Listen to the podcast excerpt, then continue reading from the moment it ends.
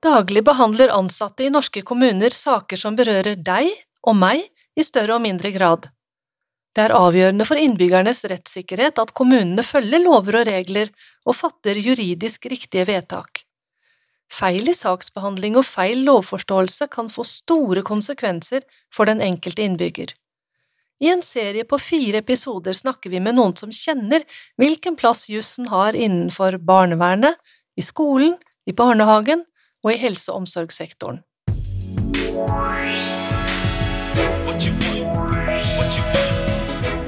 Skolens hovedoppgave er naturlig nok opplæring av elever, og alle forstår at god pedagogisk kompetanse er viktig. Men at det også er viktig med juridisk kompetanse, både hos de som tar avgjørelser som gjelder elevene, og de som jobber direkte med elevene, det er det ikke alle som er like bevisst på. Feil i saksbehandling og feil lovforståelse kan få store konsekvenser for den enkelte elev. Det er mange foreldre som er bevisst på hvilke rettigheter barnet har i skolen, men dette gjelder ikke alle, og det kan være store forskjeller mellom kommunene og også innad i en kommune. Dette er elevene prisgitt. Barn og unge er en spesielt sårbar gruppe, og de voksne har et viktig ansvar ved å ta vare på rettssikkerheten til elevene. Bli med oss videre, så får du høre erfaringene til noen av de som er tett inne på denne hverdagen. Dette er Veilederpod fra Visma, en podkast for ledere og ansatte i offentlig sektor. Morten Johnsen Rommelhoff, leder for Lederrådet i Utdanningsforbundet Fredrikstad og mangeårig skoleleder, varmt velkommen til deg. Takk for det, Lisbeth. Ingunn Wiik, jurist med lang erfaring i å hjelpe skoleledere med ulike juridiske spørsmål gjennom den juridiske rådgivningstjenesten i Veilederen, Veldig glad for å ha med deg også i dag. Tusen takk, Lisbeth. Morsomt å få lov til å være med. Og Øyvind Pil Martinsen, kundeoppfølger i Veilederen, med flere års erfaring som lektor både i ungdomsskole og videregående opplæring. Varmt velkommen til deg òg, Eivind. Tusen takk for det, Lisbeth. Hyggelig å være her. Og jeg heter altså Lisbeth Storvik Jacobsen, og da er vi klare for dagens tema.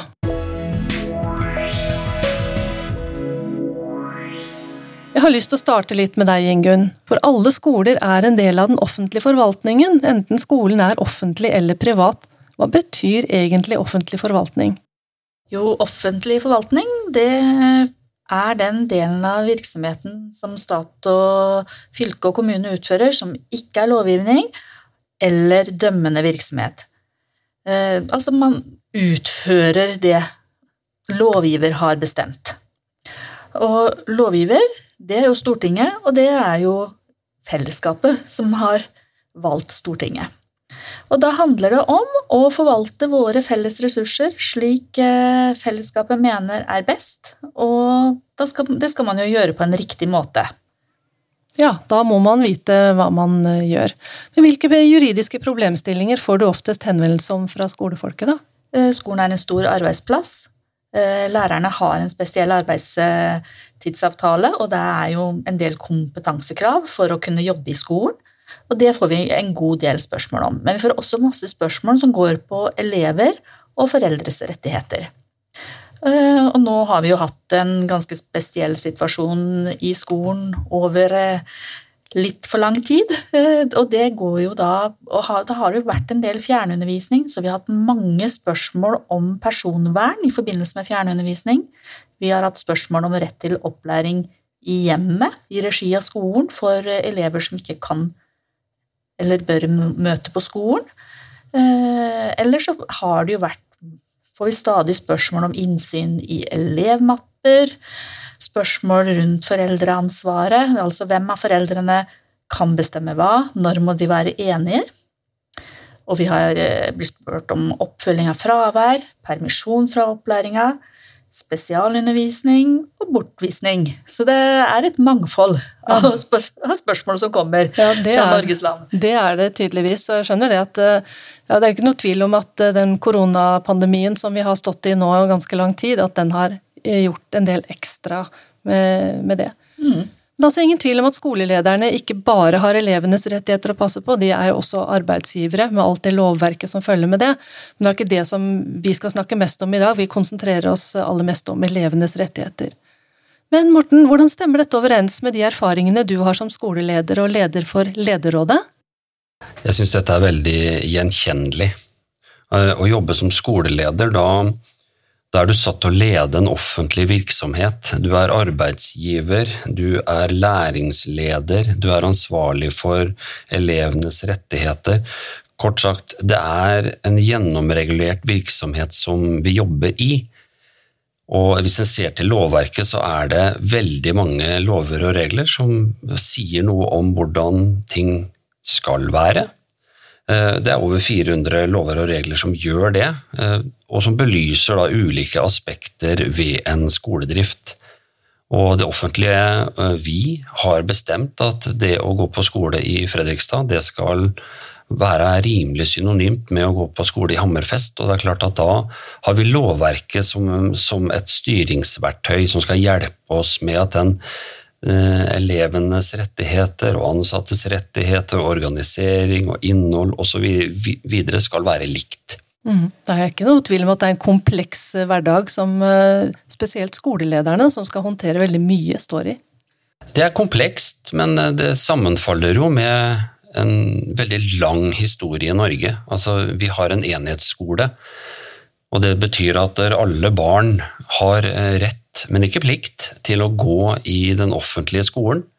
Og det er klart at når alle barn har rett til det, så har jo også foreldrene gått der. Og da eier vi på mange måter vårt blikk og vår erfaring og vår kunnskap om hvordan det er å gå i skolen. Og så møter vi da til, til skolestua med våre erfaringer, og så blir vi del av et fellesskap. Og da har vi lovverket som skal styre og navigere Eh, skoleledere og ansatte gjennom dette farvannet. og det, det er krevende, og da en juridisk kunnskap om hvorfor det skal være slik, og hva som er handlingsrommet, det, det er et godt verktøy for en skoleleder.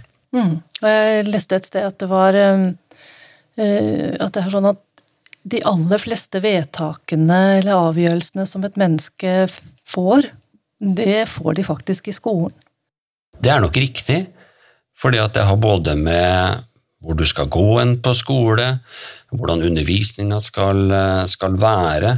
Hvis du har eh, rettslig krav til eh, ekstraundervisning eller spesialundervisning, så, så, så, stemmer det. Eh, og I tillegg til dette så har vi dette med, med vurdering. altså I skoleverket, når en kommer opp i, i skoleløpet, så, så blir vi også vurdert. Og, de resultatene som vi da får, de sier noe om hvordan vår videre utdanning kommer til å, til å bli. Mm. Jeg nevnte i innledningen det her med at mange foreldre er bevisst på rettighetene sine, og, men så er det jo mange som ikke er det. Men opplever du at foreldre er mer bevisst på rettighetene til barna sine nå enn tidligere? Kan du begynne med deg, Morten? Både og. Eh, jo mer klar vi er over skoleverket og hvordan det er bygd opp, så er det selvfølgelig noen i Norge som blir mer bevisst på hvilke rettigheter som barna har. Samtidig så er det en skoleleders jobb å være bevisst på de barna og de foreldrene som ikke er klar over dette. Vårt ansvar er like viktig overfor de barna som for eh, barna til de som er veldig klar over rettighetene. Ja, for det er vel egentlig den veiledningsplikten, Ingunn? Ja, skolen har jo en generell veiledningsplikt. Du har jo både det her med det som ligger i opplæringsloven, om at man skal hjelpe elevene til å velge riktig, og den biten som er direkte knytta til opplæringsloven. I tillegg så kommer jo forvaltningslovens bestemmelser om veiledningsplikt inn med full styrke. Ehm, det er en del skolen skal opplyse om av eget initiativ, og så hvis det er eh, en elev som har en pågående sak som kan komme ut i et enkeltvedtak, så er det jo, trer det jo konkrete plikter inn der. ikke sant? At de skal gis anledning til å uttale seg, de skal forstå hva, hva saken gjelder. Eh, og man har plikt til da å veilede og forklare på en måte som både elevene og foreldrene har mulighet til å forstå. Mm. Men hvordan var det for deg, Eivind, som var, har vært liksom ute og tett på foreldrene og elevene? Ja, det, det, høres jo veldig kjent ut, det som, som, Morten sier. og Jeg tenker at det er stor variasjon. Eh, og, og, min erfaring som lærer er vel kanskje det at de som kanskje har størst behov for å være klar over hvilke rettigheter de, de og deres barn har, er kanskje de som er minst bevisst på hvilke rettigheter de har, og, og da, som du nevnte innledningsvis, er, prisgitt eh, hvilken skole eller hvilken kommune man, man bor i. da. I tillegg så, så, tror jeg vel det, og, og min erfaring som kontaktlærer, er vel at de aller fleste foreldre er veldig bevisst på det som går på vurdering og det som går på fravær, men så er det kanskje en del andre ting som, som man kanskje ikke er like oppmerksom på og bevisst eh, på. Da. Mm. Er det noen kommentarer til det? Jeg tenker Det du sier der, Eivind, det er veldig fint, og, og det er veldig riktig. Vi snakker om eh, rettigheter og plikter. De går hånd i hånd. Og det også som, som, ansatt i det offentlige være klar over hvorfor det er viktig for oss å ivareta det felles ansvaret vi har der, det er en hjelp for, for pedagoger, lærere, eh, andre ansatte og, og, skoleledere.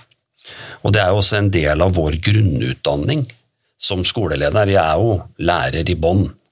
Eh, og i den grunnutdanninga der så får vi jo et visst innblikk i, men vi ser jo i de senere åra at eh, skoleledere oppfordres til og gjennomfører også videreutdanning som gir oss en dypere forståelse i dette med lovverk som en regulerende faktor i, i samfunnet. Og da forstår vi også litt mer om lovverket og hvorfor det er bundet opp sånn som det er. For opplæringsloven er jo den loven som regulerer skolen veldig, men like viktig er jo arbeidsmiljøloven og også forvaltningsloven. Så altså, hvordan disse samarbeider, det er en viktig kunnskap og erfaring for skolen, skolen å ha. Eh, fordi at Vi er jo satt til å utføre en oppgave, og det er jo akkurat som Ingunn sa i stad, vi er jo ikke en dømmende virksomhet. Det er, det er ikke vår, vårt oppdrag. Så det å være klar over at eh, det er to sider til en sak, det er en sammenheng og det er en årsaksrekke til, til hvorfor vi har denne viktige jobben, det er en god egenskap som, mm. og en kunnskap. Um jeg forsto på deg sånn Du snakka jo om eh, skolelederutdanningen, og jeg vet jo at de færreste skoleledere er jo jurister, og det er jo ikke naturlig heller. Eh, men mange skoleledere har kanskje tilegna seg en del juridisk kompetanse i forbindelse med denne skolelederutdanningen. Du har jo tatt en master i skoleledelse for noen år tilbake, du og Morten. Kan du si litt om hva det har gitt deg? Har du fått en annen forutsetning til å løse saker på skolen og sånn? Fått en annen forutsetning. Altså, jeg er jo ikke jurist, men jeg er en rettsanvender.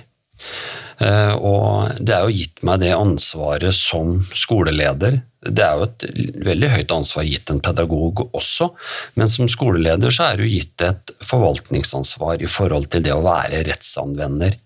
Og det å forstå da hvordan opplæringsloven henger sammen med andre lovverk, barnekonvensjonen spiller inn, og, og, barnets rettigheter til å få uttale seg om saker som berører barnet, det er også en veldig viktig erkjennelse og kunnskap å få ta del i. Eh, vi pleier ofte å snakke om i skolen at det er lurt å møte saker med klokt hode og varmt hjerte. Og da har du en balanse mellom dette her med legalitet og legitimitet. Det er jo to motstridende, men allikevel samarbeidende faktorer. Makt og tillit er jo også to samarbeidende, men også motsettende faktorer som du har, har ikke legalitet hvis ikke du har legitimitet, er jo noe forskning som, som snakker om. Og, og, det må da forstå hvordan eh, lovverket er bygd opp. Det, det, er en veldig god kunnskap for en skoleleder å få. Mm. Jeg har jo sett litt på den masteroppgaven dere skrev på det studiet, og det jeg merket meg, det var, det var noe som jeg syns var litt interessante funn. fordi at du er veldig opptatt av dette med, med lover og regler, å være en rettsanvender. Men jeg merka meg spesielt at enkelte rektorer sa rett ut at de ikke har så stort fokus på lovverk. At de ikke får gjort noe hvis de fokuserer for mye på lovverket. Du får si litt mer om, om den opplevelsen du hadde der. Jeg tror det kan være beskrivende for, for uh, ikke noe som er meget krevende, men, men, men juridisk kompetanse, altså det er jo logisk bygd opp. Eh, og det En kan komme veldig langt ved å tenke logisk, men det forutsetter at du har en kunnskap. og en forståelse av hvordan de ulike lovverkene virker sammen. Så eh, det er jo en grunn for at myndighetene i Norge har ivra veldig for at skoleledere skal ta en videreutdanning hvor også juridisk kompetanse eh, står sentralt. og Både gjennom rektorskole, master i utdanningsledelse, juss i skolen, det kan være videreutdanninger som går på elevenes eh, læringsmiljø osv. Det er jo for å sikre at barnas rettigheter, både som individ, men også som kollektiv, samsvarer med, med vår intensjon i, i, det norske samfunnet. Har du noen kommentar til Ingunn? Eh, jeg tenker jo at der, eh, Eller jeg tror, er vel riktig å si, at mange som ikke kjenner lovverket så godt, oppfatter det som mer kronglete og vanskelig å forstå, og kanskje oppfatter reglene strengere enn det de egentlig er. At man har liksom sånn forhold til at juss er vanskelig og regler er strenge. Men det er ikke sikkert de er det. Det er ikke så mye som skal til før du kommer over den bøygen, så ser du at det kan være et nyttig hjelpemiddel for å gjøre den jobben du skal gjøre på en kanskje av og til enklere måte og raskere måte. Ja, Morten? Samtidig så er det også viktig å huske på at et område som mange skoleledere og mange skoler jobber veldig godt med og grundig med, det er dette her med elevenes eh, læringsmiljø. Og det at eh, juss, hvis vi ser på det som fagdisiplin, den er normativ. Det vil si at den beskriver noe veldig nøye om hvordan ting skal være, og enten så er du innafor, eller så er du utenfor. Eh, pedagogikk, som også er en viktig disiplin inn i skolen, den er litt annerledes. Den er både normativ, men kanskje aller mest deskriptiv. Når vi da snakker om skolemiljø, så kommer vi inn på følelser. Og det å juridisk måle mellommenneskelige følelser, det er meget krevende. Og, og, og da å være skoleleder inn i sånne saker, med foreldre som er veldig klar over sine rettigheter, da er det viktig å huske på at eh, vi jobber med mennesker, og vi jobber med barn, og vi skal ivareta rettighetene. og, og, hvordan dette samsvarer med de mellommenneskelige følelsene, det er veldig krevende. Så da kan det godt hende at skoler og skoleledere opplever at uansett hva vi gjør, så kommer vi ikke i havn, og det finnes det noe eh, juridisk historikk på. Og da ser vi jo det at lovverket også er i endring. Jeg så du gjerne ville ha inn en liten replikk, Eivind? Ja, vi får se hvor liten den, eh, den blir. Eh, jeg møter jo mange skoleledere, og både skoleledere og skoleeiere, eh, gjennom min jobb som kundeoppfølger for veilederen. Og min erfaring er jo at det er en veldig interesse der ute, og kanskje en voksende interesse. Og det er mange som, som har veldig lyst til å lære, og som, som ser nytteverdien i å lære mer juss. Og så er det selvfølgelig forskjeller. og og vi er jo litt inne på at det er kanskje noen som ser disse lovene og reglene eh, litt som en fiende. altså Ofte så møter man det kanskje da gjennom statsforvalteren og gjennom tilsyn, og man, man, man eh, får en erfaring av at disse lovene og disse reglene de, de møter man kun hvis det, hvis det er noen som er ute etter å ta deg og finne ut hva du gjør feil. Og som du sier, eh, vi har jo vi følger jo med på, på tilsyn her, og tilsyn på, på, aktivitetsplikt og, og skolemiljø. Der, der, er det, det er vanskelig, som du sier, å, å, å måle eh, objektivt eh, hvor bra er bra nok. Og, og, det oppfatter jeg at det er mange skoleledere og skoleeiere som syns er veldig vanskelig. Eh, hvilke rutiner er gode nok? Hvor mye tid kan det forventes at man bruker i en travel hverdag på å oppfylle eh, loven ned til minste detalj. Sånn at jeg har jo aldri møtt en skoleleder som tenker at loven den trenger vi ikke forholde oss til. Men det er nok mange som i en hektisk hverdag prøver å løse dette på en best mulig måte innenfor de rammene man har. Og det er det ikke alltid statsforvalteren er fornøyd med, dessverre. Eh, og da, da er det kanskje fort gjort å, å bli litt negativ til, eh, til hele jussen, rett og slett. Har du lyst til å si noe til det, Gunn? Eh, min erfaring er jo at mange skoler og skoleledere og lærere og andre ansatte i skolen jobber veldig godt i praksis med disse skolemiljøsakene. Men ofte så Eller ikke ofte, det er feil å si. Men av og til så har du inntrykket av at de blir tatt fordi at de ikke er flinke nok til å dokumentere alt det gode arbeidet de har gjort. Og det er jo trist, når de gjør så mye godt. Og det kjenner jeg meg litt igjen i, også i saker som, som jeg har erfaring med, og, som jeg har uh, innsikt i. Uh, det med å dokumentere er veldig viktig. Uh, og det er viktig å si noe om hva ble gjort når, kanskje i form av lave tidslinjer. Og så er det viktig å huske på at vi jobber med mennesker. Mennesker reagerer ulikt, og særlig i skolen. og så de som hører på dette her, det, det, kan være barneskolelærere, det kan være videregående lærere. Og så er det viktig å huske på noe av det som er egenarten i dette fagfeltet, at det er mennesker i utvikling. Og ting som kan bli sagt og oppfatta i én sammenheng, kan ha en annen oppfatning og sammenheng eh, et år senere. Og det med da å møte de utfordringene med klokt hode, og, i det kloke så ligger det kunnskap som et stikkord. Og et varmt hjerte det kan oversettes med omsorg. Så er det viktig å huske på at dette er mennesker som vi jobber sammen med. Og da har jeg en erfaring eh, fra skoleledersiden om at eh, foreldre kan ha et inntrykk av at når barn ikke har det bra, så er det noen som har skyld i det, og at de som har skyld, de må få en konsekvens. Og Da blir det en skolelederoppgave å forholde seg objektivt til lovverket eh, og opplyse om både vårt, våre rettigheter til å be om tiltak, men også vårt vern mot at tiltak skal, skal fremsettes mot et barn uten at deres rettssikkerhet blir, blir ivaretatt. Og det er, det er, en krevende og utfordrende skoleleder, skolelederoppgave. Det var veldig mye kloke ord som kom fram her, og jeg, jeg bet meg merke det her eh, fra den oppgaven deres at det var mange som snakka om sunt bondevett. Men det er jo kanskje sånn da vi kan si at eh, det er ikke bare nok med sunt bondevett, men sunt bondevett og forståelse for jussen, hånd i hånd. Ja, Eivind?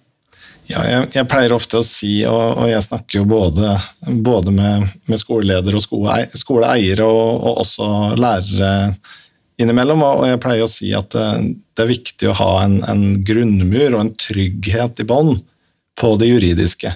Og så kan du bygge alt det andre på toppen, og da kommer jo kjempeviktige ting som, som relasjoner, f.eks., som jo er uh, utrolig viktig å ha. Så, så, så, lenge man har den trygge grunnmuren å lede, lene seg på, med den kunnskapen som Morten snakker om, så kan man bygge resten på toppen av det. og Det, det tror jeg gjelder både for skoleledere og også for lærere og de som er ute i, i klasserommene og, og gangene på skolen.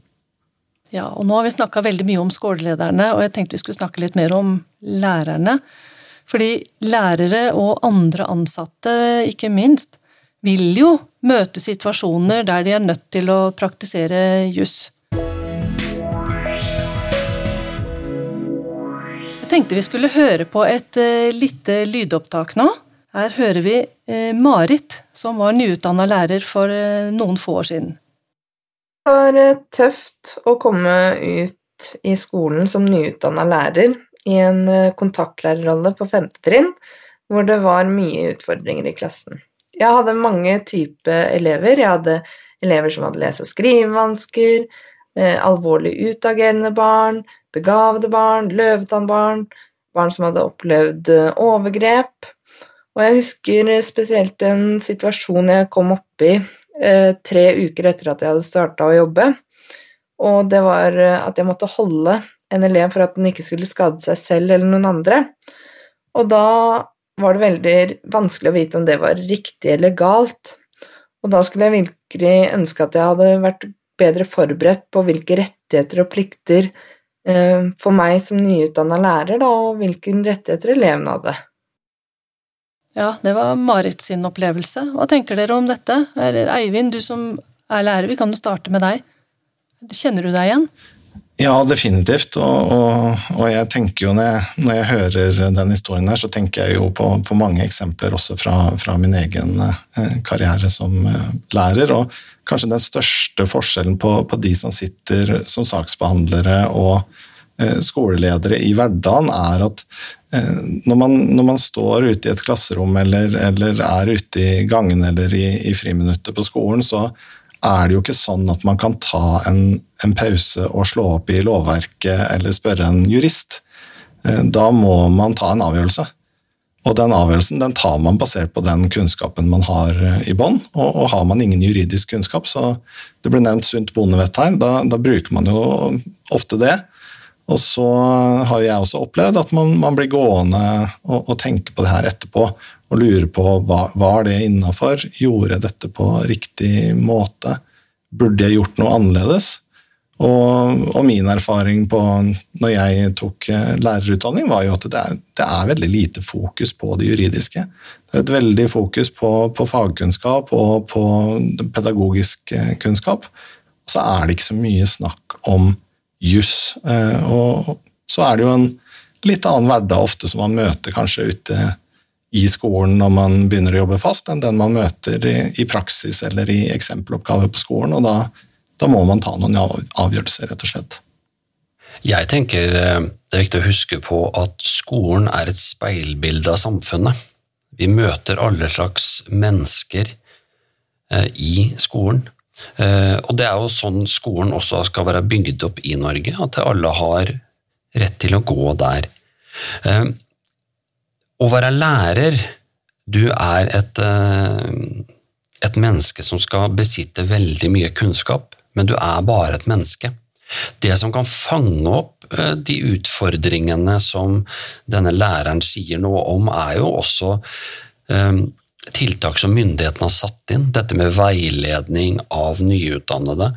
Uh, og, og videreutdanninger skal også kunne ta opp i seg noen, noen, av de erfaringene og utfordringene som vi møter i løpet av de første åra, eller egentlig gjennom hele eh, yrkesløpet. Altså livslang læring snakker vi om i eh, skolen, og det, det, det er et relevant begrep. Men det jeg hører, er viktigheten av å tenke på at vi er ikke alene på jobb i skolen. Hvis jeg tar på meg skolelederhatten, så, så tenker jeg at det er viktig for denne læreren og for alle andre lærere og fagarbeidere, alle andre skoleansatte, å vite at du er del av et kollegium og en organisasjon. Eh, og det som ikke et enkeltindivid klarer å ta opp i seg, det skal andre kunne klare å hjelpe til med å bidra inn i. Men, men, det er klart det er mange krevende utfordringer som berøres av mange ulike lovverk som en skoleansatt møter i hverdagen. Ja, absolutt. Det, og det, det, hører vi jo mye om i media også, at, eh, at de står i mye. Eh, jeg tenker jo, når jeg hørte på Marit her nå, da, det jeg tenkte på var jo Selv om hun kanskje ikke kunne alt der og da, så tenker jeg at det er veldig viktig at eh, den skolen, og for så vidt alle andre skoler, har rom for at man i ettertid av sånne episoder kan ta dem opp og ta opp den usikkerheten og få en tilbakemelding. Gjorde jeg det riktig, gjorde jeg det feil, hva burde jeg gjort isteden? Og at man på den måten kan f.eks. da øke kompetansen rundt nødverge og nødrettreglene som hun gjorde bruk av her. Ja, for det er jo veldig, viktig, ja, er jo veldig viktig at man tar opp disse reglene, og at, at, skolelederne faktisk lærer opp og sørger for at de ansatte får den kompetansen som, eh, som de trenger i bånn. Ja, og det, det, er jo en konkret skolelederoppgave og et ansvar gitt til skoleleder. Altså påse at de ansatte har den kompetansen som kreves. Samtidig er det viktig å huske på at vi, vi møter elever og mennesker i en sammenheng. Og det å isolert se én en enkelt hendelse og ikke ta med konteksten rundt, det kan være krevende. Eh, og, og hvis vi bare skal se på enkelthendelser, så tror jeg veldig mange vil oppleve at dette her er meget krevende og meget vanskelig. Men ser vi på sammenhengen det skjer i, så kan vi få en dypere forståelse av. Og det er jo der da juridisk kompetanse og forståelsen av hvordan ulike lovverk spiller sammen, eh, er viktig for skolene og skoleledere å ha. Fordi at eh, arbeidsmiljølov kontra opplæringslov kontra forvaltningslov, det er lovverk som for en skoleleder er veldig sentrale, mens i en gitt situasjon så kan det hende at eh, da tatt ut av en kontekst at det ene lovverket blir viktigere enn det andre. Det, det, det, som vi hører Marit fortelle litt om, som går på nødverge og nødrett, ja, det dreier seg både om eleven, men det dreier, dreier seg også om den ansatte. Og for en skoleleder så blir det, da viktig å være en rettsanvender i forhold til de lovverka. Mm, veldig, veldig viktig det, Morten. Nå har vi jo snakket en del om det her med elevenes rettssikkerhet, og, og du nevnte i stad også det her med Barnekonvensjonen. At barnets beste skal være et grunnleggende hensyn ved alle handlinger som berører barn. Og det gir jo elevene i skolen både rett til å bli ivaretatt, rett til å bli hørt, rett til å medvirke, Hvilken opplevelse har dere av praksis på dette området, da? Skal vi begynne med deg, Ingunn? Ja, jeg, øh, jeg tror, øh, på bakgrunn av de hendelsene jeg får på svartjenesten vår, det er at man er ganske flinke til å snakke med elevene om opplæringen. Hva slags utbytte får du av opplæringa di? Trenger du ekstra hjelp? Er det noe vi kan gjøre bedre? Det tror jeg de er veldig flinke til. Jeg tror også man etter hvert har blitt Eh, flinke til å snakke med elevene om skolemiljøet. Hvordan de opplever skolemiljøet. Der er det jo mange gode rutiner rundt omkring som ivaretar det. Eh, kanskje man ikke alltid, når man kommer langt nedover og begynner i en saksbehandling om f.eks. spesialundervisning, er like flinke til å dokumentere at barnet faktisk har blitt hørt, og hva det har sagt. Der kan det kanskje skorte noen steder. Eh, og så er jeg litt usikker på hvor flinke man er til å høre barn og vurdere barnets beste i spørsmål som ikke direkte gjelder selve opplæringa eller skolemiljøet. Ja, Morten, har du Hva ja, tenker du? Jeg kjenner meg godt igjen. Eh, og et ord som jeg hører her sånn, det er ordet relasjon. Og så er det viktig med juridisk kunnskap på akkurat dette feltet her, fordi at det å høre barn, det betyr ikke at barnet bestemmer. Det er, Nei, det, er det er, to, forskjellige ting. Men for at vi eh, som en del av den offentlige forvaltninga skal kunne ta avgjørelser som er til barnets beste, så er det viktig at barnet har muligheten til å uttale seg. Eh, og den retten der, der sitter jo skoleansatte på, på gullet. De sitter på relasjonen til, men kunnskapen om hva en skal spørre etter, det blir jo en virksomhets hele å ivareta, for det, det, kan ikke en skoleansatt stå i alene. Og Der får skolelederen og egentlig hele systematikken i skoleverket en viktig betydning. Og Da tror jeg det er eh, viktig å, å lytte til jussen, for hva er det jussen spør oss om? Og da tenker jeg da er det viktig å lese de papirene en får, og, og, og, bruke et klokt hode og et varmt hjerte når en snakker med barn. Mm, jeg, jeg, leser en del tilsynsrapporter, og jeg ser ofte det at eh, begrepet 'barnets beste' blir brukt, men det, men det, blir ikke lagt så veldig mye ned i det. Det er ikke, det er ikke gjort vurderingene da, av hva er det som er dette barnets beste. Man skriver kanskje i et vedtak at barnets beste er vurdert. Punktum. Og en ting som kan være spennende der, å problematisere, det er at til grunn for de avgjørelsene der, og kanskje tilsynsrapporter, så er jo det en form for dokumentanalyse. Og er, kan vi da være sikre på at når vi leser eh, tilsynsrapporter, at det er et riktig bilde av hverdagen, eller er det et bilde av den som har forfatta det, sin evne til å beskrive hverdagen? Da vet vi gjennom eh, metodelære bl.a. at skal vi være sikre på det, så må, må, vi også intervjue, og vi må observere at det er en sammenheng. Så, så, det å konkludere med på bakgrunn av rapporter eh, kan være metodisk utfordrende.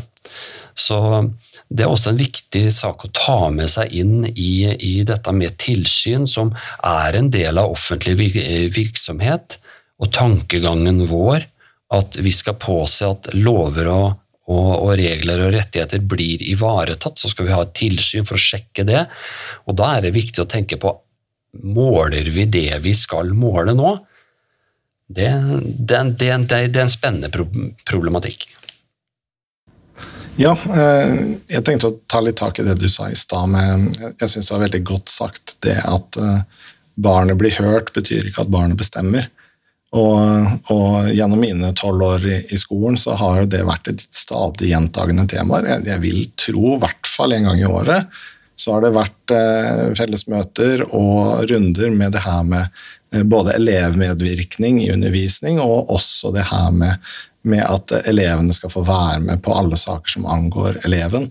Og det er ofte ganske oppheta møter.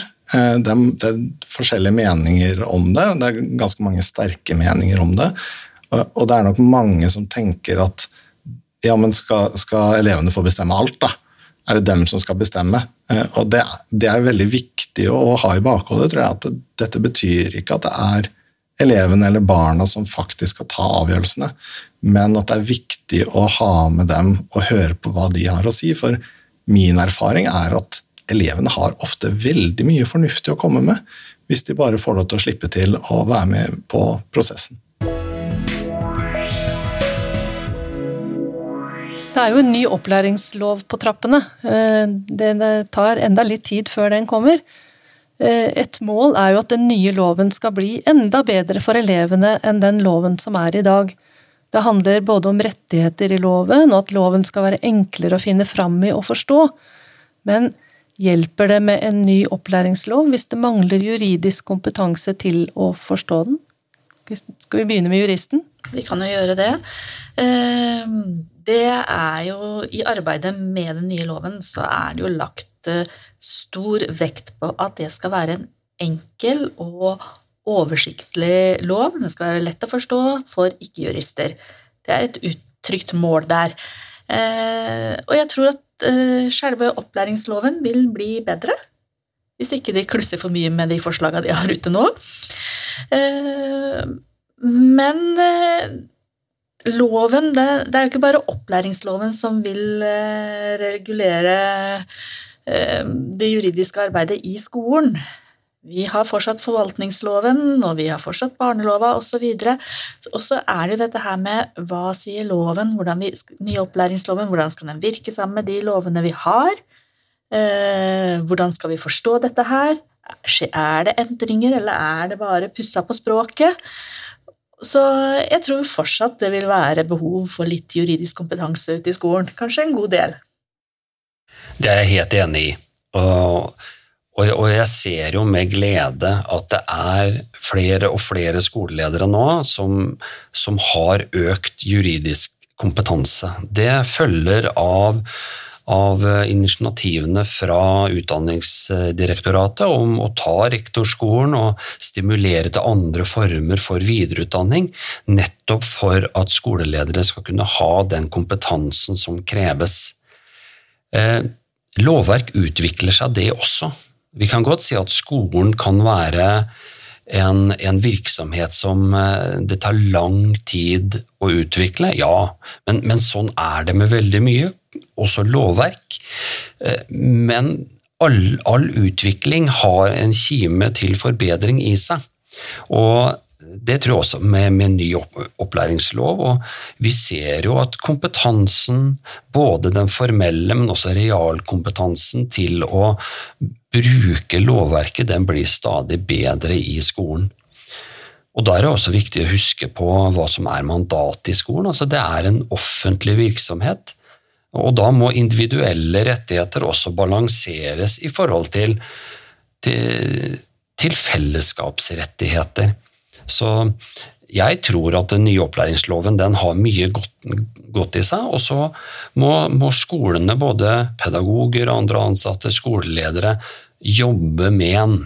for å se sammenhengen mellom opplæringsloven og de andre lovverka som til enhver tid regulerer eh, skolen. For jeg sa i stad at det er over 400 lover og regler. Det blir ikke noen færre lover og regler. Eh, men sånn er utviklinga, og med økt kompetanse så, så, så, vil vi kunne møte det på en god, god måte. Det har vært veldig morsomt å høre fra dere som egentlig har skoene på her.